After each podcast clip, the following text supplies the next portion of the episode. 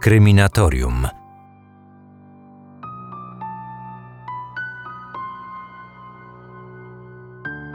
Szkolnymi koleżankami zainteresował się znacznie szybciej niż jego rówieśnicy. Marzyłby mieć dziewczynę, a najlepiej kilka dziewczyn. Myśli o seksie nie dawały mu spokoju. Jiří Straka był jednak zbyt nieśmiały, by zacząć flirtować.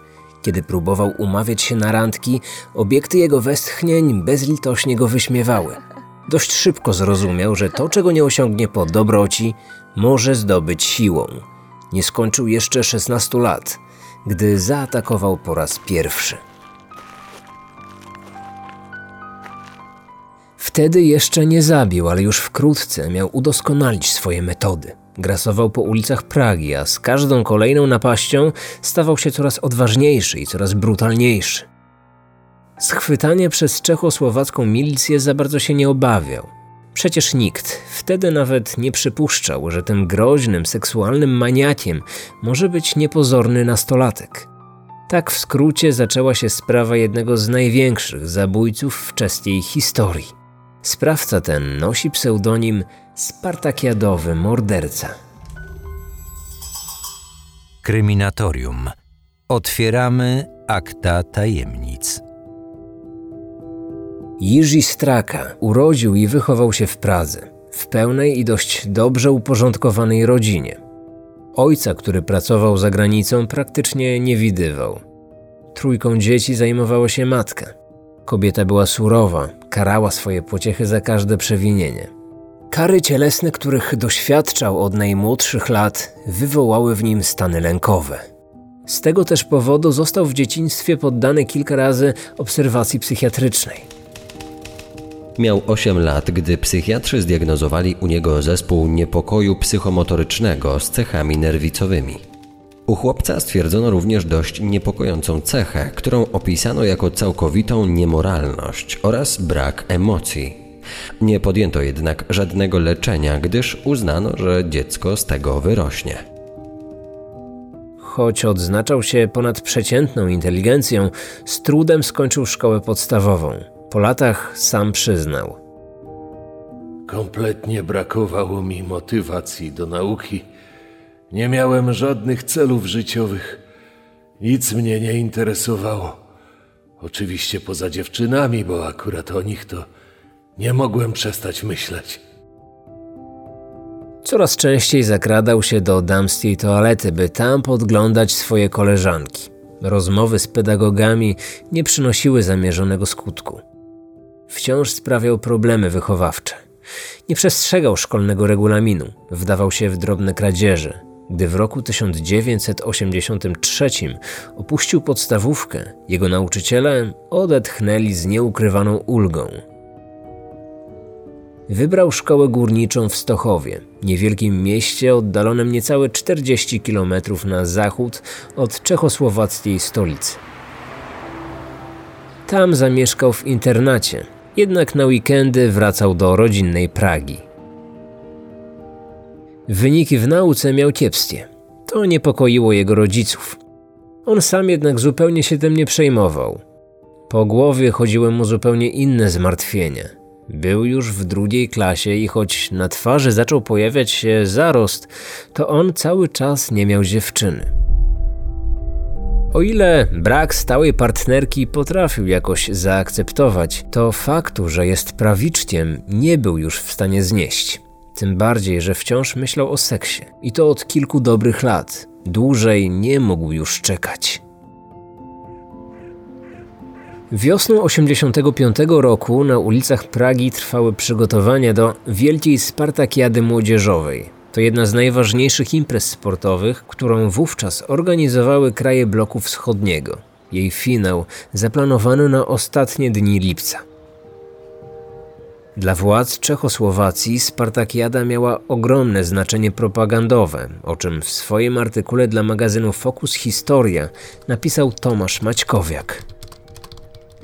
W socjalizm już wtedy nikt nie wierzył. Impreza miała charakter rytualny, ale przygotowania do niej rządząca partia traktowała śmiertelnie poważnie. Uczestnikami byli gimnazjaliści, studenci i młodzi robotnicy z całego kraju.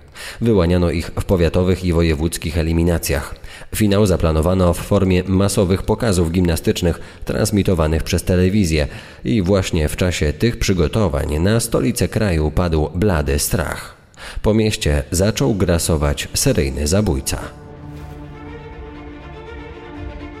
Pierwszą zamordowaną ofiarą była 23-letnia Alicja, mężatka samotnie wychowująca dwoje dzieci. Jej mąż odsiadywał w więzieniu długoletni wyrok. Mieszkająca u rodziców kobieta nie zamierzała czekać na jego wyjście. Od pewnego czasu związana była z Iwanem. Wielkanocny poniedziałek, 8 kwietnia, para postanowiła się spotkać. Gdy wieczorem Alicja nie pojawiła się w jego mieszkaniu, a całonocne poszukiwania spełzły na niczym, o zaginięciu powiadomiono milicję. Ciało kobiety zostało znalezione już następnego dnia. Na pierwszy rzut oka było widać, że morderstwo zostało popełnione na tle seksualnym. Sprawcę trzeba było znaleźć jak najszybciej i najlepiej po cichu, tak aby plotki o tym grasującym maniaku nie zakłóciły tych trwających w Pradze przygotowań do wielkiej socjalistycznej imprezy. Zadanie wytropienia i schwytania mordercy otrzymał Jiří Markowicz, najbardziej doświadczony śledczy w kraju. Dla innych milicjantów był niekwestionowaną legendą Wydziału Kryminalnego Praskiej Milicji. Wspomnienia tego śledczego przytoczył później Petr Szamal, autor biografii czeskiego detektywa. Ofiara miała podarte ubranie i była obnażona od pasa w dół. Morderca zaatakował ją od tyłu, zaciskając przedramię na gardle. Mocno trzymając, zaczął się cofać, co uniemożliwiło kobiecie skuteczną obronę. Po zabójstwie ukrył zwłoki pod liśćmi ściółką. Podczas poszukiwań jej chłopak kilka razy przechodził obok ciała, a mimo to niczego nie zauważył.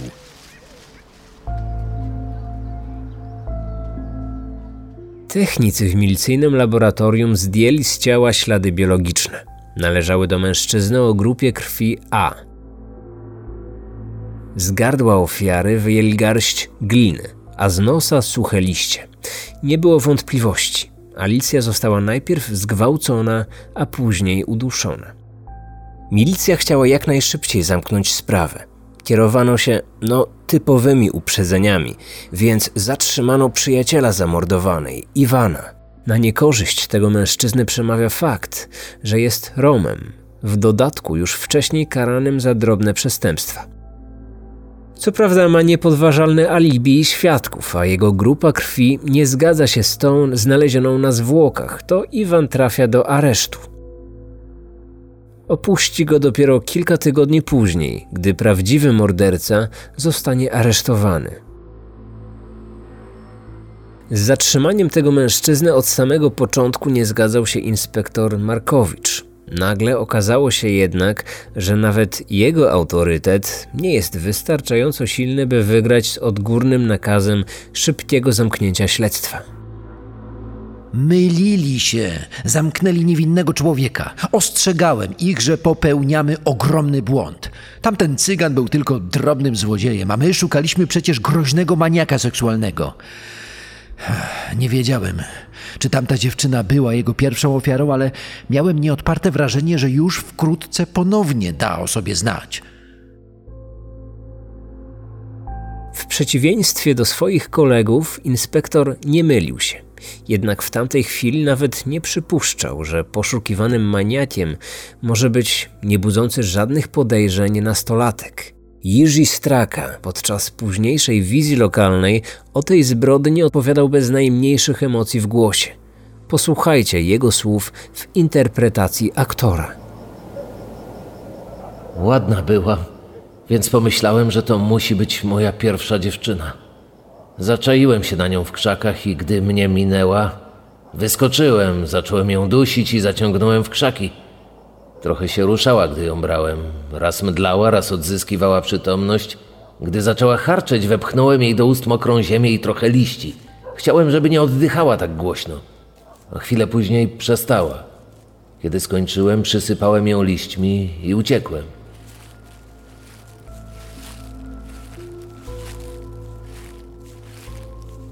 Opis tego makabrycznego czynu robi wrażenie, przyznajcie, a szczególnie sposób wypowiedzi, bez emocji, wyrachowany, tak gdyby nie zdawał sobie sprawy z tego, co tak naprawdę zrobił.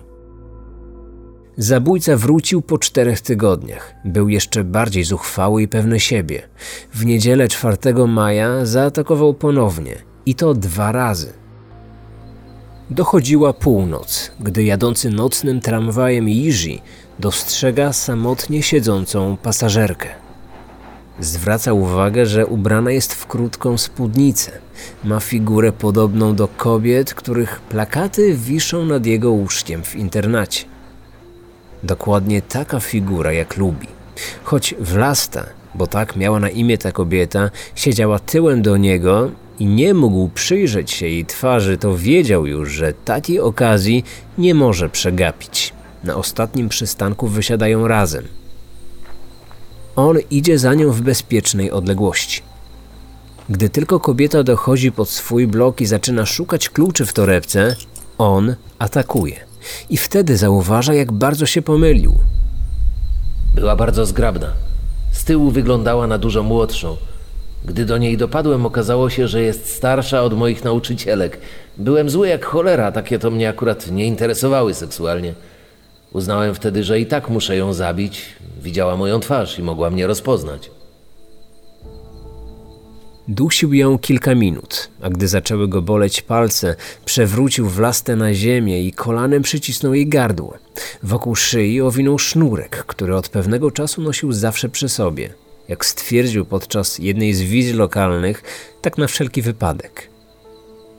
Gdy 54-latka straciła przytomność, ukrył ją pod plandeką stojącą pod blokiem ciężarówki. Myślał, że nie żyje. Zanim uciekł, zabrał jeszcze biżuterię, zegarek i trochę gotówki. Kobieta przeżyła atak. Gdy odzyskała przytomność, udało jej się wyjść na ulicę i zadzwonić do drzwi najbliższego domu.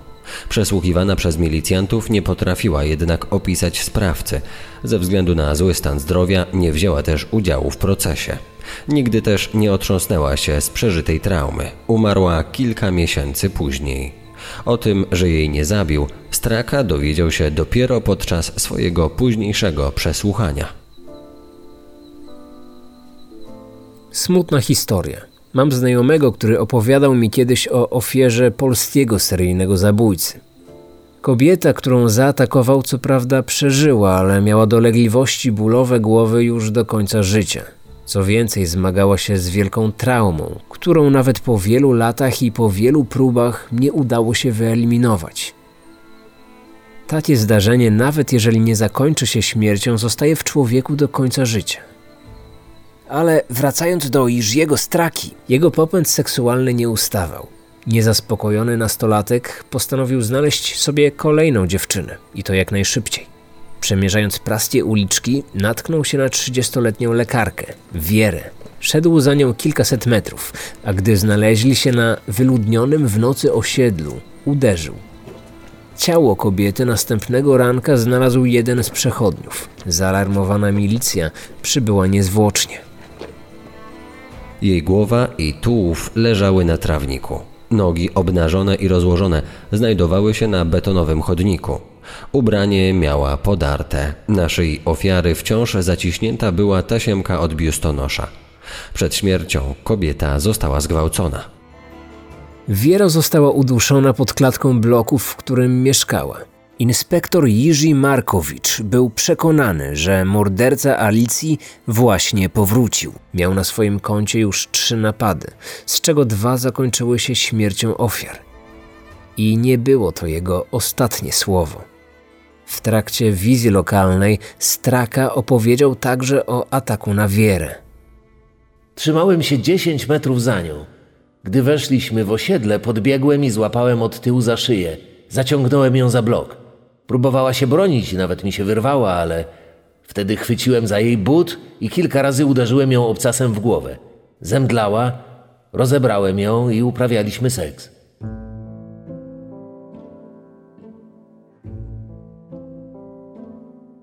Gdy chwilę później Wiera odzyskała przytomność, Straka udusił ją.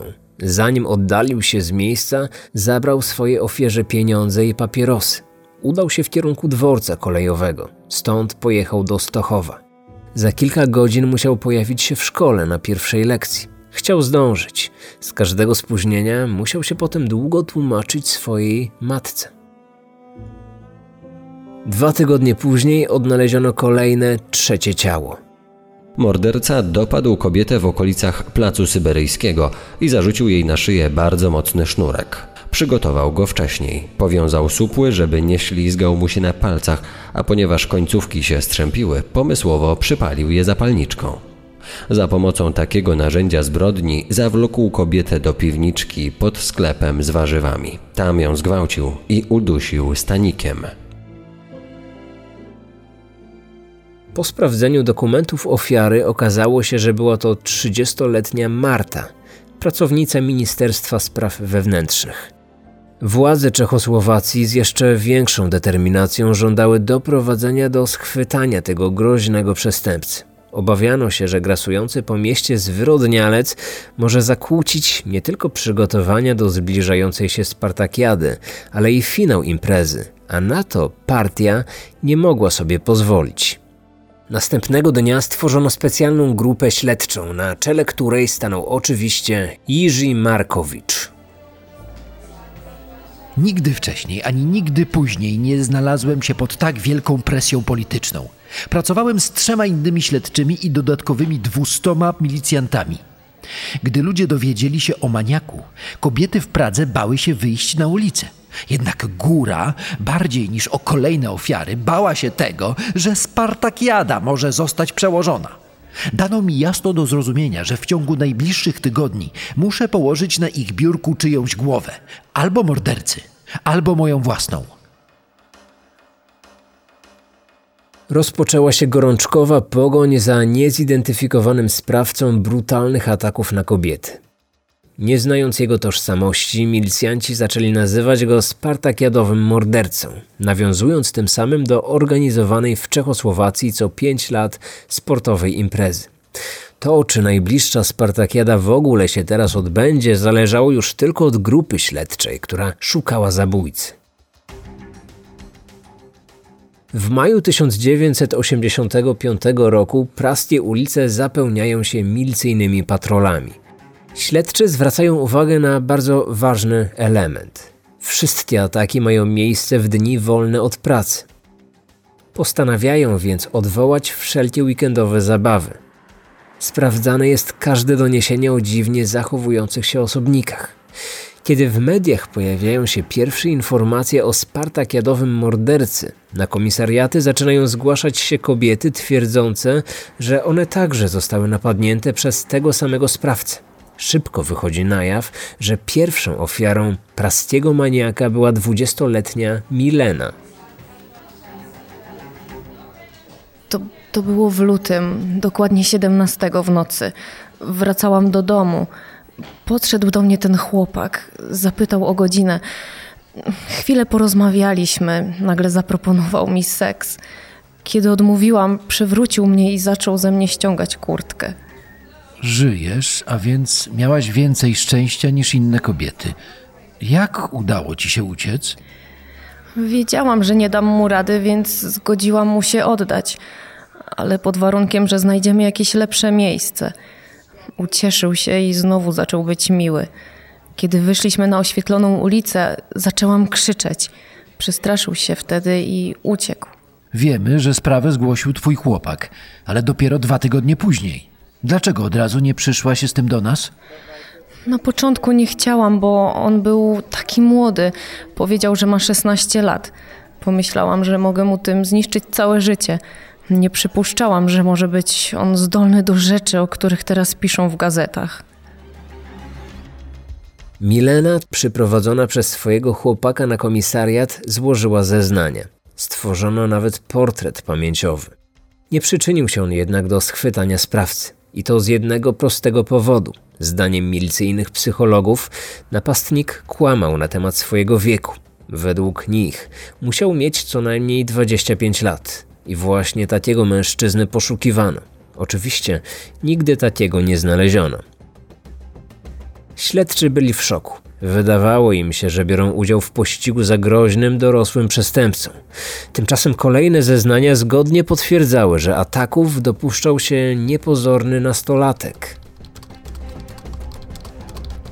Relacje świadków były ze sobą zbieżne. Sprawca z niektórymi kobietami wdawał się w rozmowę. Na początku zawsze był kulturalny, sympatyczny i miły. Sprawiał wrażenie nieśmiałego. Nagle zmieniał się nie do poznania, po czym uderzał. Czasami atakował ze zaskoczenia od tyłu. Zawsze po zmroku w dni wolne od pracy. Swoje ofiary śledził na ulicy lub w środkach transportu publicznego. W takich słowach sylwetkę zabójcy przedstawiał Tomasz Maćkowiak na łamach magazynu Focus Historia. Na trop nieletniego mordercy i gwałciciela zespół kryminalny dowodzony przez inspektora wpadł dwa dni po ostatnim zabójstwie. 18 maja na komisariat zgłosiła się kolejna osoba, która przeżyła spotkanie z zabójcą ale podobnie jak większość zaatakowanych wcześniej kobiet, nie zgłosiła tego faktu na milicję. Gdy w końcu się jednak na to zdecydowała, jej zeznania okazały się przełomowe.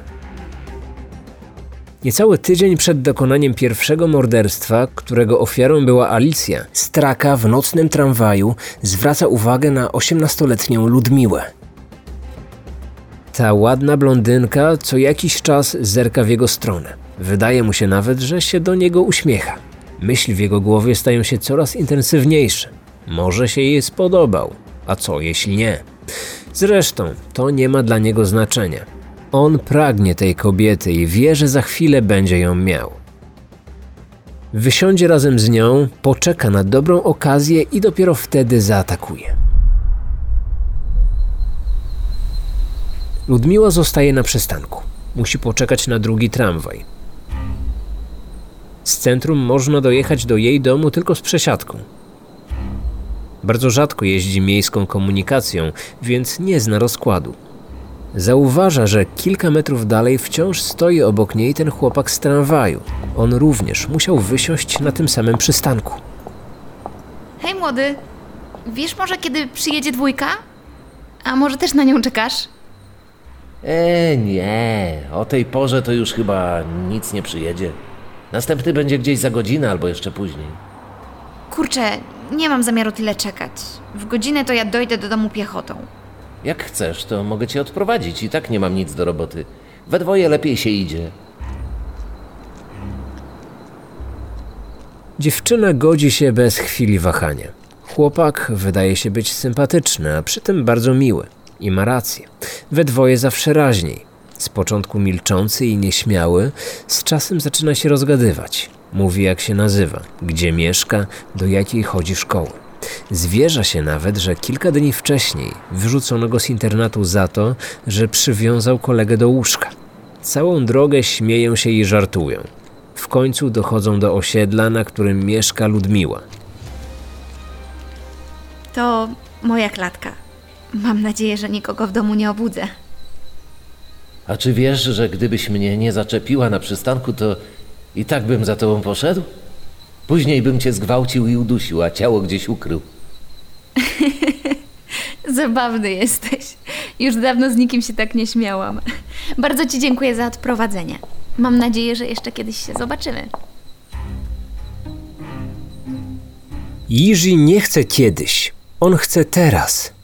Łapie dziewczynę w pół, próbuje obejmować i całować. Nagle wystraszona Ludmiła uświadamia sobie, że on nie żartował. Do drzwi wejściowych ma kilka metrów, ale jest zbyt słaba, by wyrwać się z jego mocnych objęć. Nie panikuje jednak, zachowuje trzeźwe myślenie. Dobrze, ale nie tutaj. Chodź ze mną. W piwnicy mam materac, tam to zrobimy. Nikt nas nie zobaczy. Uwierzył. Co prawda kiedyś dał się już nabrać na podobny numer, ale teraz znowu popełnił ten błąd. Wypuścił dziewczynę z objęć i ruszył grzecznie za nią. Dochodząc do klatki, Ludmiła rzuciła się w stronę domofonu. Wciskając przypadkowe guziki, zaczęła krzyczeć i wzywać pomocy. Zanim napastnik uciekł, poczuła jeszcze, jak zerwał z jej ramienia torebkę. Pomyślała, że to i tak bez znaczenia. Najważniejsze, że była cała i zdrowa. Miała wiele szczęścia. Niewiele zabrakło, aby nie przeżyła tego ataku. Jej zeznania okazały się tak precyzyjne, że już cztery dni później milicjanci zjawili się w internacie, w którym mieszkał Straka. Spartakiadowy morderca został natychmiast aresztowany. Nie stawiał oporu. Zupełnie jakby spodziewał się, że jego zatrzymanie jest tylko kwestią czasu. Łącznie oskarżono go o zaatakowanie 11 kobiet, w tym 3 morderstwa, 2 usiłowania zabójstwa, 5 gwałtów, 3 napady i 5 kradzieży. Sporo jak na kryminalny życiorys szesnastolatka. Już podczas pierwszego przesłuchania sprawca przyznał się do wszystkich zarzuconych mu czynów. Ze szczegółami mówił o tym, co już zrobił i o tym, co dopiero zamierzał zrobić. Gdybyście mnie dzisiaj nie złapali, to spokojnie bym załatwił jeszcze z 10, a nawet 20 kobiet. Milicjantów szokował nie tylko ten młody wiek sprawcy. Jego wyjaśnienia, wypowiadane pozbawionym emocji tonem, wstrząsnęły nawet tak doświadczonym inspektorem jak Markowicz. Siedzieliśmy i słuchaliśmy w kompletnym milczeniu. Żaden z nas nie był nawet w stanie wydusić ani słowa. Przyznał się do winy, ale widziałem w jego oczach, że kompletnie niczego nie żałuje. O swoich zbrodniach opowiadał tak spokojnie, jakby szkolny woźny przyłapał go z papierosem w toalecie. Ciekawe porównanie. Choć w komunistycznej Czechosłowacji za podobne zbrodnie zapadały z reguły bardzo surowe wyroki, z karą śmierci włącznie, przed stryczkiem Strakę uchronił jego młody wiek. Jako osoba nieletnia nie mógł otrzymać więcej niż 10 lat pozbawienia wolności.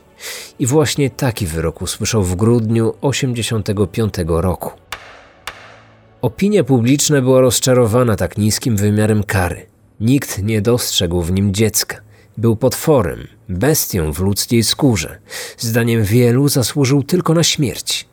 Niezadowolenie społeczne skomentował po latach ojciec spartakiadowego mordercy. W wywiadzie dla czeskiego dziennika Blesk powiedział: Byłoby lepiej, gdyby wtedy dostał karę śmierci.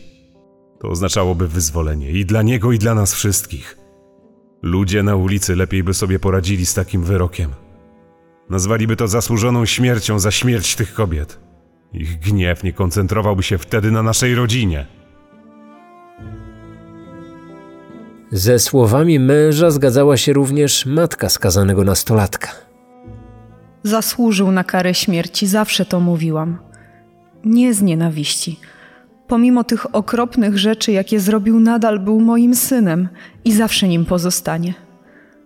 Ale ja dobrze wiedziałam, co będzie go później czekać w więzieniu. Jej przeczucia okazały się trafne. Po osadzeniu w celi Straka przeszedł prawdziwe piekło. Wiemy przecież wszyscy, jak traktuje się skazańców z podobnymi wyrokami. Straka był wielokrotnie gwałcony i katowany przez innych współwięźniów. Ci próbowali go też zabić. Strażnicy kilka razy uratowali mu życie. On sam też odniósł się do tych wydarzeń w filmie dokumentalnym zrealizowanym przez czeską telewizję w 2005 roku. W więzieniu żałowałem, że nie dostałem kary śmierci. Wiem, jak straszną rzecz zrobiłem tym kobietom. Doświadczyłem tego na własnej skórze, kiedy inni więźniowie chcieli mnie powiesić. Tylko zbieg okoliczności mnie wtedy uratował. Od tego czasu coś we mnie pękło. Przestałem myśleć o samobójstwie. Chciałem za wszelką cenę przeżyć. Powiedziałem sobie, nie uszczęśliwię ich moją śmiercią. W trakcie odbywania kary skończył szkołę zawodową i został piekarzem. Za murami zakładu zainteresował się też wiarą ewangelicką i przyjął chrzest. Nie odsiedział całego wyroku. Już po rozpadzie Czechosłowacji objęła go amnestia, ogłoszona przez prezydenta Czech w roku 1994. Choć po dziewięciu latach opuścił mury więzienia, nie wyszedł na wolność. Trafił na przymusowe leczenie w szpitalu psychiatrycznym. W ośrodku przeszedł kastrację, ale odmówił przeprowadzenia operacji mózgu mającej na celu zmniejszenie jego seksualnej agresji. Rodzina całkowicie się od niego odsunęła. Ani w więzieniu, ani później w szpitalu nikt nigdy go nie odwiedził. Po 10 latach psychiatrzy zgodnie uznali, że Jiří Straka jest zdrowy i nie stanowi już zagrożenia dla społeczeństwa. W Wigilię 2014 roku znów stał się wolnym człowiekiem. Wtedy krajowe media przypomniały sobie o spartakiadowym mordercy. Dziennikarzom, którzy zaczęli go nachodzić, miał do powiedzenia tylko jedno. Czy wam się to podoba, czy nie? Teraz jestem już wolny. Jeśli nie powiesiliście mnie wtedy, pozwólcie mi żyć teraz. Spartakiadowy morderca wciąż ucieka przed mediami. Zmienił nazwisko i jako Jiří Nowak ożenił się. Kobieta, którą poznał w trakcie leczenia, znała jego przeszłość i zaakceptowała to. Zamieszkali w Opawie, tuż przy granicy z Polską. Podobno oboje wciąż pracują w jednym ze sklepów spożywczych, w którym zakupy robią także turyści z Polski. Kto wie, może jeżeli odwiedziliście ten rejon kiedyś i wstąpiliście do któregoś z przydrożnych sklepów, to resztę wydawał wam spartakiadowy morderca. O jego zabójczej przeszłości wiedzą sąsiedzi. Nie boją się go jednak. Akceptują go jako członka swojej społeczności, co potwierdziła jedna z mieszkanek w wypowiedzi dla kobiecego pisma Aha. Zachowuje się bardzo dobrze. Zawsze, kiedy wyprowadza psa na spacer, ze wszystkimi się wita. Jest raczej nieśmiały, ale grzeczny. Jednak swojej łatki spartakiadowego mordercy już się nie pozbędzie. On wie, że my wiemy. Pytany przez dziennikarzy o swoje życie, przeważnie milczy. Tylko czasami coś uda im się z niego wyciągnąć. Jeden z reporterów zapytał go kiedyś, czy teraz w końcu jest szczęśliwy. Szczęśliwy? Ja nie wiem, co to znaczy być szczęśliwym. Żyję. To wszystko. Przyznajcie, niezwykle ciekawa historia. Zresztą tak jak większość spraw seryjnych zabójców. Możecie dzielić się ze mną waszymi spostrzeżeniami i pomysłami. Na wasze wiadomości czekam na Instagramie. Tam jestem aktywny codziennie.